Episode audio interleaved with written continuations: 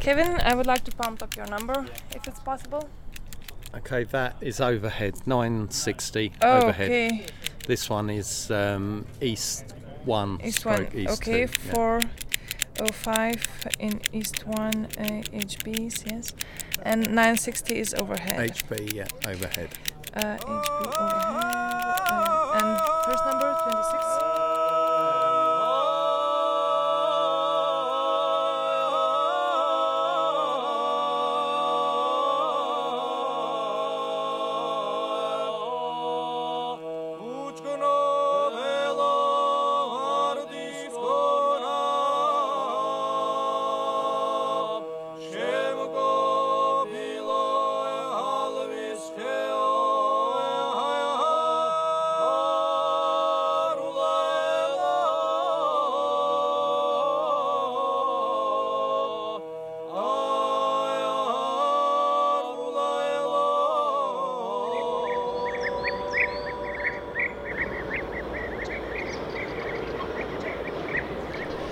Welkom bij een nieuwe aflevering van Feed Feed, die deze maal in het teken staat van Batumi Raptor Count, een internationale organisatie die de roofvogeltrek in Batumi in kaart brengt.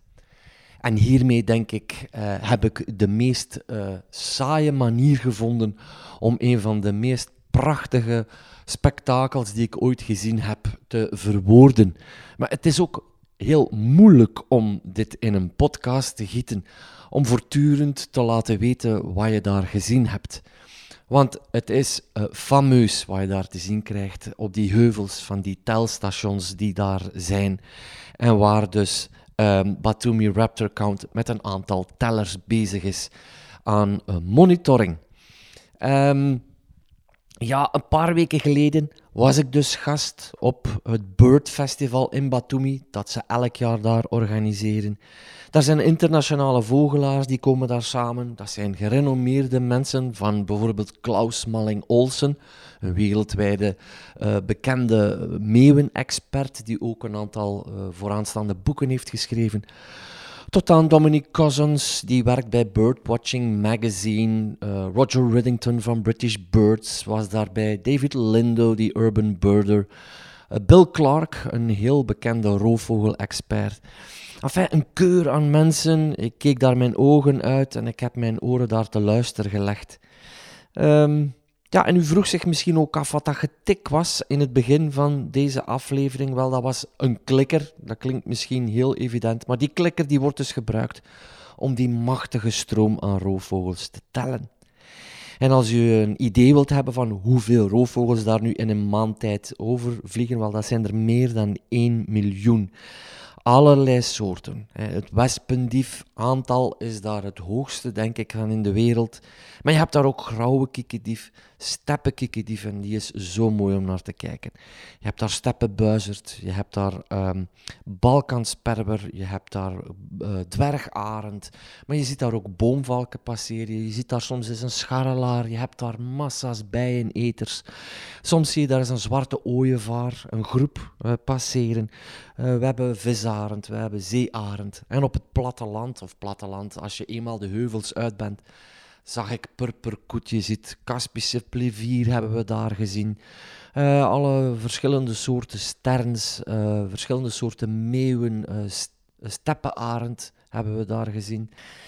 En waarom komen die roofvogels nu eigenlijk daar overgevlogen? Wel, ze hebben daar de oostelijke uitloper van de Zwarte Zee in combinatie met het Caucasusgebergte. En dat, ja, hoe moet ik dat zeggen, dwingt die roofvogels eigenlijk die, en ze noemen dat een bottleneck, eh, te nemen en die regio over te vliegen. Waardoor er een concentratie is van die roofvogels. Nu, deze eerste aflevering is een kennismaking met Batumi Raptor Count en de mensen die daarachter zitten. Maar laat ik dus beginnen bij het begin. En ehm, we arriveren met een tiental vogelaars in het telstation van Chakavasho. En daar worden we verwelkomd door de Amerikaanse eh, Arthur, die ons het protocol uitlegt. En dat is met andere woorden, hoe worden die roofvogels nu eigenlijk geteld? Ik zou zeggen, geniet, geniet van een stukje slow radio.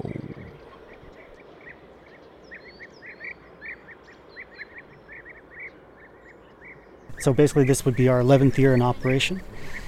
Uh, since 2011, or excuse me, yes, 2011, we have uh, actually moved from a, a rather um, broad-based count where we count every single thing that we we basically see to only counting basically certain priority species. And so we actually have a hierarchy at this point where there are certain core species, which includes things like the honey buzzard, booted eagle, lesser spotted eagle, marsh harrier, uh, Montagu's harrier, pallid harrier, and then we have a battery of other secondary species that, as time permits, that basically we will count. But in lieu of those birds taking precedence over that, we will not count them. Uh, so that's mainly the, I would say, the highlight of the protocol, and that uh, the second piece is that on those priority species that we age and sex as many birds as possible using a fairly standardized methodology. So the main thing is that we do not try to, for example, um, age booted eagle beyond about what we call East 1 or West 1. So within about a one kilometer um, band on each side of the station. We try not to do that just to be able to um, account for differences in variation between observer experience, lighting conditions. Because I mean, it's yes, it's perfectly possible to age, in this case, booted eagle at farther distances, but we do rely on a volunteer observer base. The most of the people we are, are not being paid in some some cases, it's their first year doing raptor counting. We also bring people here who have been doing it for many years. Montague's here. Speaking of, Yeah. Just passing the, Oh, yeah. trees. Tops of the, top of this little, little Right. bush. Yeah, one.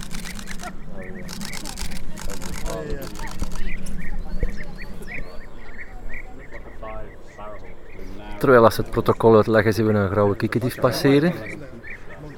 Maar iedereen stopt en kijkt natuurlijk. Uh, what would you say the average is running for total raptors moving through um, the combination of both sites? What do you have? You guys do you have a running average? I mean, it seems to be north of a million birds. Would you say is, well, I is mean, it's, it's definitely north of a million birds. I mean, it's like consistently so. I mean, how much higher than that?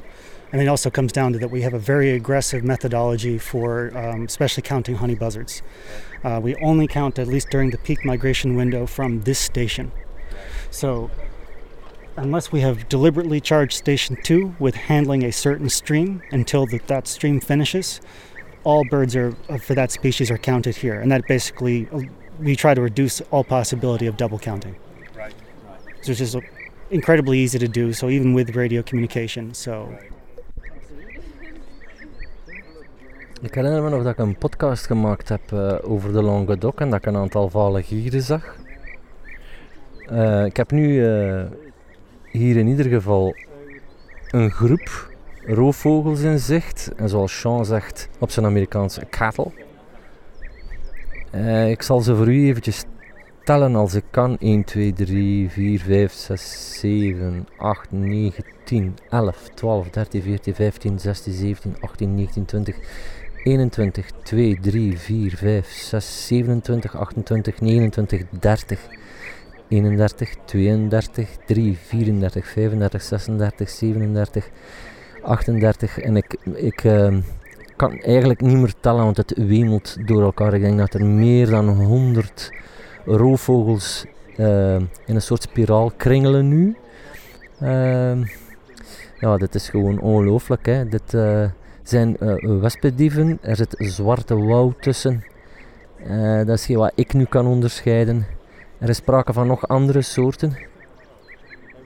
Maar ik zie de soorten niet meer door de hoeveelheid van roofvogels. Dus uh, je hoort achter mij de ornithologen uh, babbelen en die zijn natuurlijk ook allemaal super verbaasd. Af en toe hoor je ook een geweerschot, want de jagers zijn hier eigenlijk in de vallei aan het schieten. Um, heel markant en vreemd is dat om te weten dat hier een, een grote groep natuurliefhebbers staan en daar dan beneden datzelfde ja, gegeven kapot wordt gemaakt. Ongelooflijk schoon.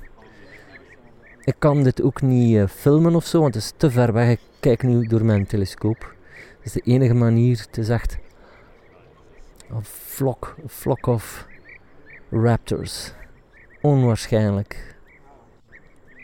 Onwaarschijnlijk.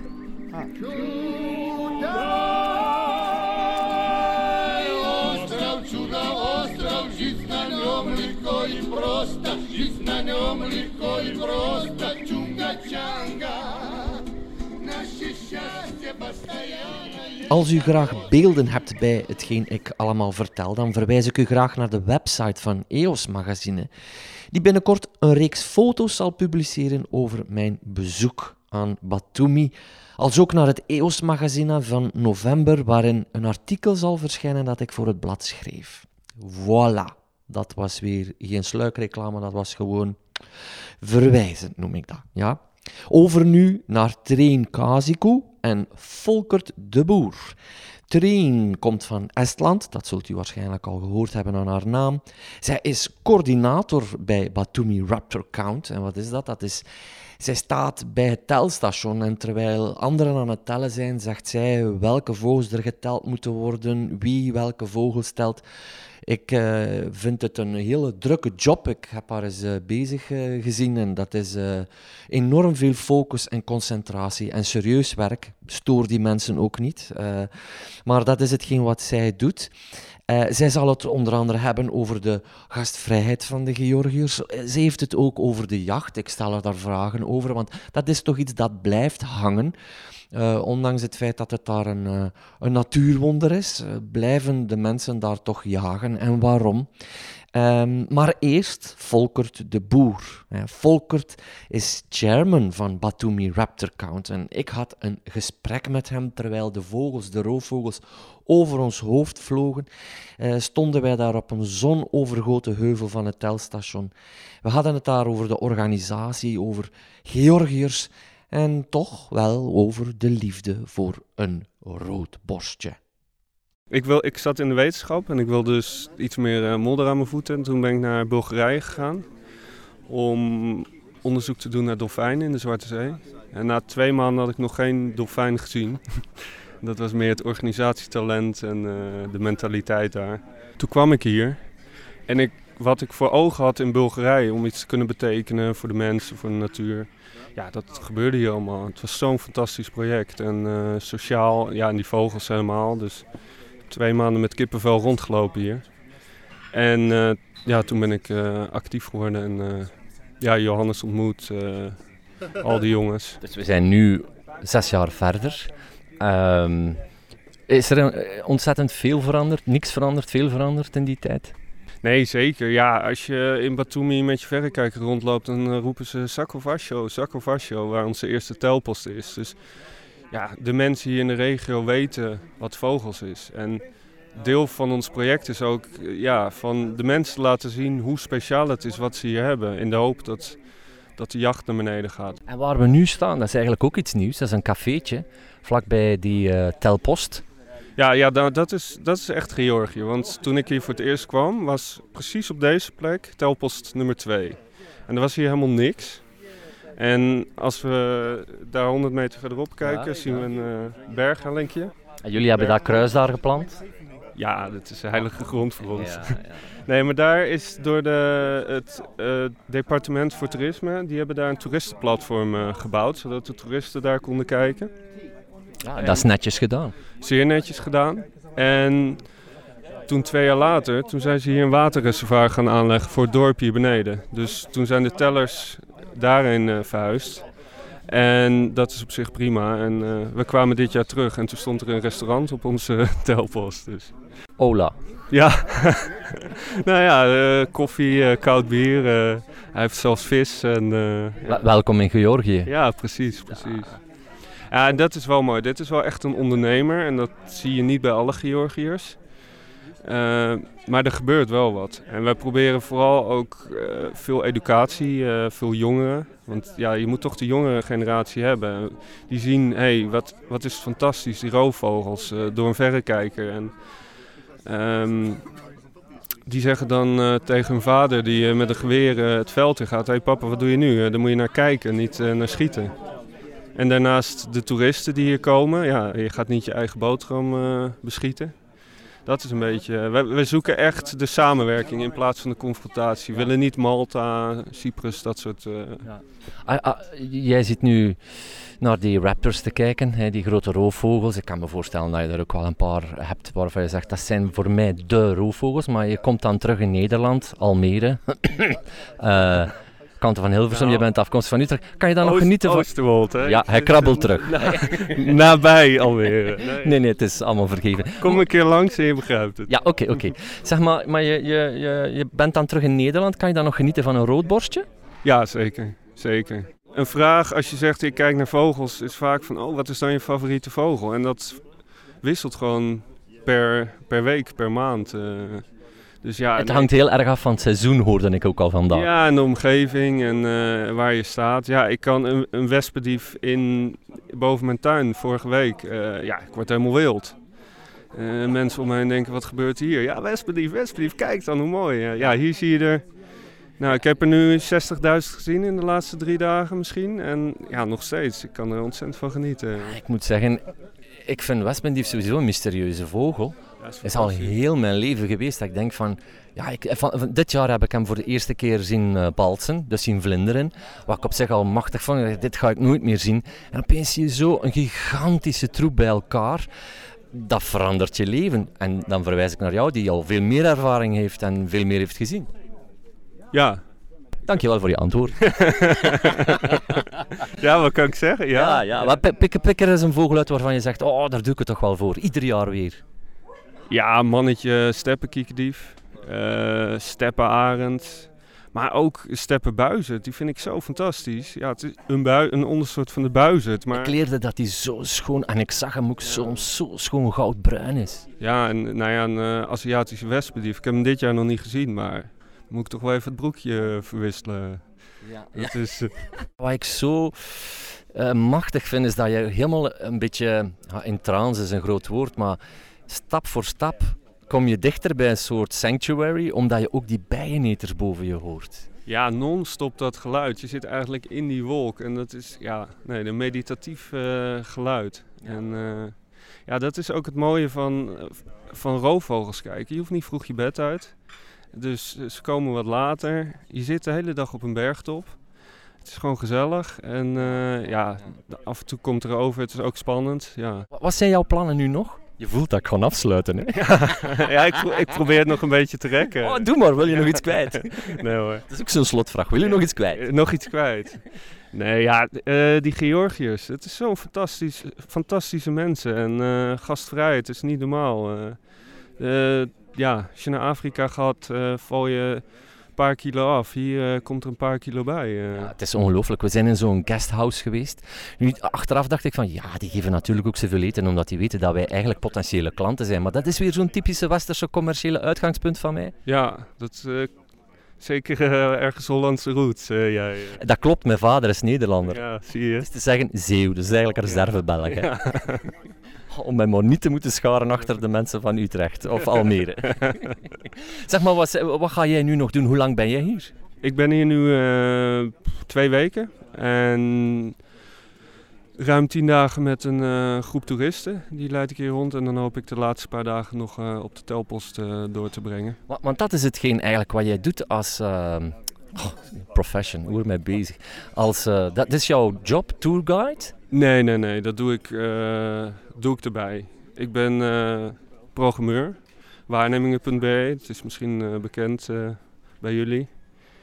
En, Fa- Fantastisch. eh, schatkamer. ja, ja, nee, ik vind het ook fantastisch. Daar komt een beetje mijn technische achtergrond en de natuur bij elkaar. Dus... Wa- Waarneming.be, dat is dan waarneming.nl bij jullie. Dat, of, Waarneming.nl, ja. Het, Oh, dat- we het is zijn hetzelfde. een, eh, Solstera, dat is een kleine club eh, programmeurs die daar eh, achter zit. Ik merk dat je eigenlijk, sorry dat ik het besluit voor jou trek, een beetje een gelukkig man bent.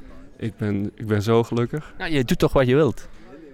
Ja, Oh nee, nee, dat was één seconde van twijfel. ja, nee, nee. ja. Kijk, weet je, weet je nee, daar zit een, een stukje historie achter dit antwoord. Een, een, een, een lichte hartepijn. Want Roep het maar, roep het maar. Schreeuw het uit, Volkert. er is heel hard voor gewerkt. Van mensen zeggen van ja, je hebt geluk. Je, zit, eh, je, doet je, je hebt van je hobby je werk gemaakt. Klopt, ik zou niks anders willen doen en kunnen doen.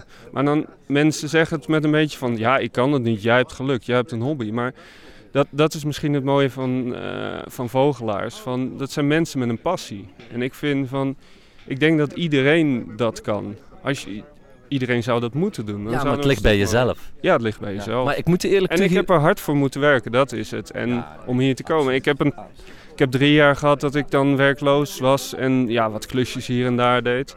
Ja, vond ik ook fantastisch. Maar toen riep iedereen van ja, maar je moet toch werk hebben. En toen zei ik van nee, uh, ik moet eten uh, en ik wil doen wat ik leuk vind. Ja, dus en dat is geen eenvoudige weg. Nee, ik ga niet. Ja. Ik, hetzelfde werk achter de computer zou ik voor een bank kunnen doen of voor verzekering. Ik zou doodongelukkig zijn. Nu gaat het over pimpelmezen en een hop en uh, wat plantjes, libellen. Je moet toch je passie vast blijven houden. Ja, het, nee, dat is precies. Dat is lastig af en toe. Ah, goed, we gaan nog vrienden worden. Zeker. Z zijn we dat nog niet dan? Ja, ja de volgende stap is het bed. Ja. Volkert, bedankt. Ja, gedaan.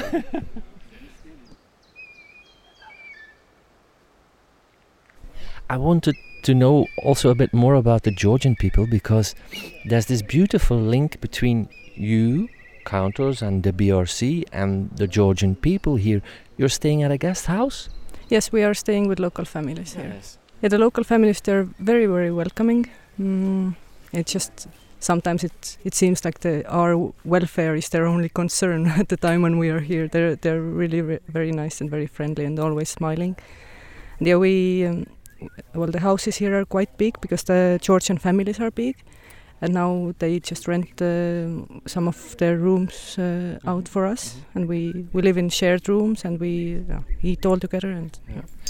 There are a lot of guest houses nowadays. Uh, yes, yes, there are in this village. And, and that's because of the organization of BRC? Well, I'd say that's because of the place here that it attracts bird tourists. It's not it's not only the BRC; it's the it's the people who come here. There are a lot of hunters here too. Can you stand that? Those shots ringing in the air? Hmm. And I think you, in a way, you just have to get used to it. I, I remember after my first season, well, it it really hit me hard the the amount of uh, of well illegal shooting that goes here, goes on here because it's well shooting raptors in Georgia it's it's illegal. But yeah, I mean, this is what you. I mean, if you if you want to work here, you just have to cope with it in a way. Yeah. And we we really uh, uh, hope that our well we have the non-conflict approach here to towards the hunting and we, we hope that maybe after a generation at least it will stop. Maybe that's better than try to stop it in uh, at a short-term uh, period. Yes, I think that you, well, as a foreigners, we, we just can't come to Georgia and tell tell local people what they can and what they cannot do. I think they just it just has to develop more in a more natural way. Yeah. So maybe it sounds strange, but it's a matter of respect. Could be. Als je een idee wilt hebben hoeveel roofvogels er per dag overvliegen in Batumi tijdens een topdag, uh, dan hebben we het over ongeveer 70.000 roofvogels, alstublieft. Waarvan meer dan 60.000 wespendieven, een kleine 4000 zwarte wouwen, 400 kiekendieven, een 120-tal dwergarenden. Ja, en dan zijn er nog die kleine aantallen van roofvogels waarvoor dat wij hier in Vlaanderen al een moord zouden doen om ze te kunnen zien. En soms vraag je ook af als je daar staat, waar zijn ze hier in Vlaanderen? Hoe uh, mager is het eigenlijk gesteld met onze natuur? Misschien mag je die vergelijking niet trekken, maar het is wel zo. De dag dat ik hier toe kwam, zag ik um, um, drie spreeuwen en een merel. En ik vind dat wel hele mooie vogels. Maar het is anders. En um, ja, wat ermee te doen, dat weet ik niet. Misschien lukt het ook niet meer. Ik was in ieder geval wel heel blij dat ik zulke grote aantallen wespendieven zag. Want dat is een van mijn favoriete vogels, zo, die wespendieven. Een mysterieuze vogel voor ons, die zich liever wat wegsteekt in het bos dan uh, zich te laten zien. Uh, als je de aflevering beluistert bij uh, Koen Leijsen, hoor je dat ik hem daar ook heb zien balsen. Dus dat was geweldig om mee te maken. Maar het is nogmaals geweldig om te weten dat ze er nog in zulke aantallen zijn. Het is ook geen echt, het is wel een roofvogel, maar hij gaat geen prooien stoten of zoiets. Toch niet uh, zoals een uh, slecht doet. Gaat meer op zoek naar die wespenlarven. Um, maar goed, iemand die daar alles van af weet, is natuurlijk Johannes Jansen. En Johannes Jansen is een van de mensen die aan de doopvond stond van het hele project. Johannes is degene die met een aantal andere Vlaamse biologen naar daar trok om uiteindelijk te besluiten, hier zitten inderdaad heel veel roofvogels. Die trekken hierover. Dat hebben we nu wel geteld met de seizoenstelling. Een week lang nam Johannes het hele gezelschap daar op een perfecte manier op sleeptouw door heel de regio. Maar ik kan niet anders doen dan hem zijn verhaal te laten vertellen over de wespendief. En hij is daar uitmuntend in, want hij is een, een magnifieke vogelaar. Hij, hij, weet heel goed welke soorten er hoe uitzien. En dan spreek ik niet eh, voor mijn beurt, want ik ben dan in vergelijking met hem een soort salonvogelaar. Maar hij weet ook echt die veren te zetten en die pluimen te zetten. En op die manier kan hij dus effectief determineren. Ik laat hem graag aan het woord over ook een van zijn favoriete vogels, namelijk de wespendief. Dus dat is honey buzzard is really a fascinating bird because it's it kind of spends very little time, in my opinion, in its breeding grounds, which we consider their home because they build their nest there. And it's very short time. It's long, only three months or four months. Well, they have to display. They have to find a partner or secure their partner that they have for years. They have to lay their eggs. Have to secure that their their young are raised, and then these adult birds. So the parents they just leave, and they leave as quickly as they can. Yeah south to to be in Africa where they winter for most of the time. And then these young they just hang out a little longer in their home in their house area in their home region and they migrate about 2 weeks later which I think is is really fascinating. So you as a parent you raise your young, you raise your children and then as soon as you can you just fly out. Yeah. and, they just have to take care of themselves. Yeah. And you see, I think, but it's it's maybe just an impression, uh, or just me being emotional. But you see these young trying to find their way south, much more difficult than uh, than these adult, uh, fully grown birds, mm. because they got experience. They learn from each other, and year after year they do the same trip, and they they stick to the same traditional routes. So. Um, well, there's a paper about it scientifically mm-hmm. mm-hmm. explaining mm-hmm. um, that is actually the case. Uh, but these young birds, they can just yeah wander around. Some of them just fly straight over the sea. Well, this is a really really hard journey, and it's actually just not very wise because they're wasting a lot of energy in active flight trying to cross. Others they just take a route or a very big detour and then they decide they decide oh no it's probably this way that's that's some of the things that you can see from like the GPS uh, backpacks they they have been mm-hmm. studying. Mm-hmm. Um, and the interesting thing is, is also that these these juveniles are kind of well, it works in both ways, but might be um, adopted to this style of first migration. So they have a completely different wing shape, which also enables them to migrate a little bit differently um, because it, slimmer wings, um, broader wings is like they use a lot of thermal uh, activity to uh, yeah, to get higher up using this hot air. But these younger birds, they kettle less, mm-hmm. and they they are flying a little bit more in uh, active flight. So all these things combined, these honey buzzards um, just rushing up and down every year. Mm-hmm. Um, combined with the spectacle you can see here in this place, you can really like feel how how how crazy this yearly journey for them is. Uh, is something that really fascinates me. Johannes Jansen was dat met op de achtergrond een wespendief. En ik, ik ga kleur bekennen, dames en heren. Het is een uh, gemonteerd geluid dat ik erachter gezet heb. Ja, uh, ik vond uh, dat die eer wel eigenlijk toekwam aan Johannes om af te sluiten met zo een van zijn prachtige soorten, die roep van die wespendief. Ook al hoor je de wespendief niet zo heel veel roepen, tijdens de broedperiode kan dat wel eens gebeuren. Maar goed, dat was eigenlijk een eresalut aan uh, Johannes, die we in de Engelse versie nog wel eens gaan terughoren. Want dat is ook de reden waarom Johannes Engels spreekt. Ik ga ook deze aflevering in het Engels uh, gieten. Alle andere afleveringen, dat zijn een tiental interviews met birders, zullen allemaal in het Engels zijn. Ik vind ze bijzonder de moeite en ja, als je niet zo goed Engels kan, uh, ga je een beetje moeite moeten doen. Maar ja, ik ontkom er natuurlijk niet aan dat Engels de universele taal is. En Batumi Raptor Count uh, trekt natuurlijk meer anderstaligen uh, aan dan Nederlandstaligen. Dus besloot ik, ik ga dat ook in het Engels doen. Dus je hoort Johannes in de Engelse versie nog wel net iets meer dan nu. En dat was ook de reden waarom hij Engels sprak. Um, er staan nog geluiden uh, op deze aflevering. Uh, de overgang tussen Volker de Boer en Trien, daar hoorde je een zwarte wouw. En in het begin van de uitzending hoor je natuurlijk het rollende gefluit van die zwermen bijeneters die daar in die telstations voorbij trekken. Een levende uh, regenboog die passeert, als ik het zo poëtisch mag uitdrukken. Trouwens, die zwarte wauw, die heb ik uh, zien roepen, uh, bijna op ooghoogte. Dat is toch een van uh, de belevenissen geweest. Ook al kan ik mij voorstellen dat sommigen zeggen, ja, zwarte wauw, dat is toch niet zo'n speciale, bijzondere soort.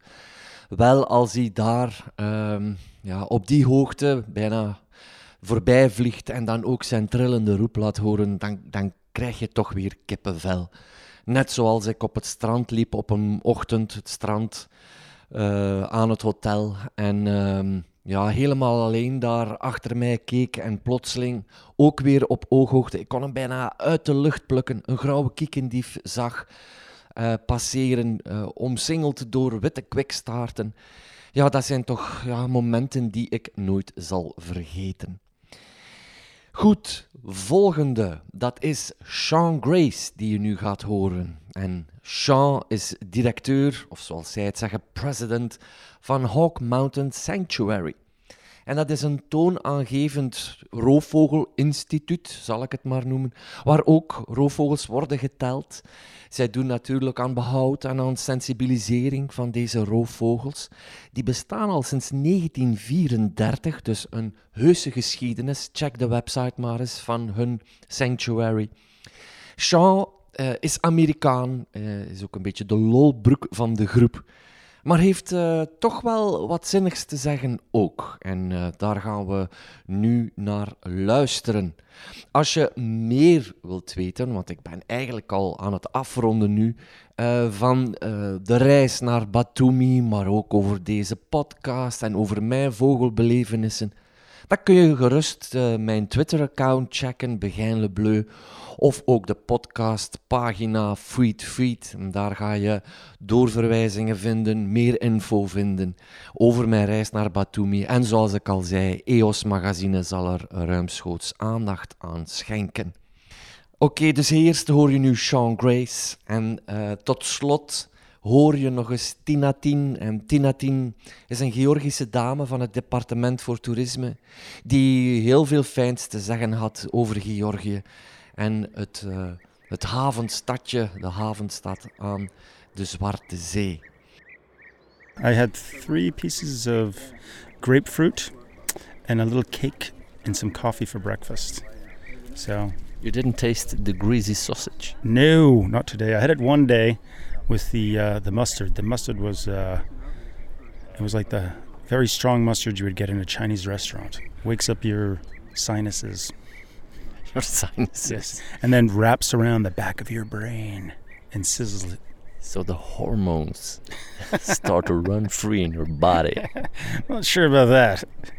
They run free in my body all the time. it's a gift, actually. I'm so glad you started talking about birding. Yes, I love birding. You know, birds have the power, if the environment is not correct, to move their location. So they're very good indicators of the health of our ecosystem and environment. So here we are. And they're all migrating. What does that say? no, actually, because their environment, they need to go to Africa to feed there. But uh, no, but generally speaking, they're a great indicator, a bio indicator they have the power of free will and the ability to move long distances if they choose so. You know, it's interesting because it's uh, overly simplified there, but they are of the natural environment, and sometimes people we separate ourselves from those natural cues. But it's that's why it's always good to spend some time in the wilderness, sometimes alone, and to get in touch with those things and kind of, you know, for me that's that's uh, that's when you're really expressing your tu- true humanness. I think sometimes that uh, we separate ourselves, and interestingly, the people that know the least amount about the natural world and the natural environment are the most likely to separate themselves from the natural environment. Once somebody knows um, an, a basic environmental literacy, they know some of the birds, they know some of the plants, some of the trees, some of the insects, some of the mammals. It's then they have to actually grapple with the choice. I think for a lot of people that are making poor decisions, they're not grappling with the choice because they don't understand what the implications are. But the more you know, they realize the less that you understand because you could spend your whole life just studying birds and there'd be more to learn. There's been brilliant birders we've spent our week with, absolutely brilliant birders. Um, some of the top flight birders in the world are here. Um, but I think, you know, they understand that the more that you know, the more you realize there's so much more to know. But that's just one aspect of, of the natural world. You know, once you bring in plants and what are the pollinators that have symbiotic relationships with them, what are the ecosystem, you know, what is it all about? What are the mammals like? um, once you really start to understand those things, then, and that's when you have to grapple with a choice of what your impact is on the environment. But for many people that are making poor choices, and we ask ourselves, why would they do that? They're not grappling the choice because they simply don't understand it. And that's why it should be emphasized more um, in school systems, you know, worldwide.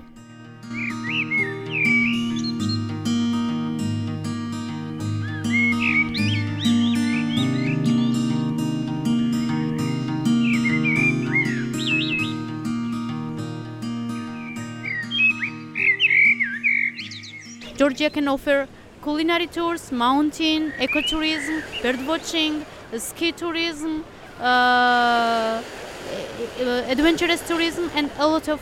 Uh, it, it, it has the sea and the mountains as well, and it is for for like the full year uh, interested interesting uh, place to visit. That's why a lot of uh, tour leaders and travel agencies are interested because we have um, direct flight connections also from Europe countries uh, through Istanbul to, to Tbilisi, and uh, we think that Georgia will become one of the uh, more interested place for visitors from Europe and from the world as well.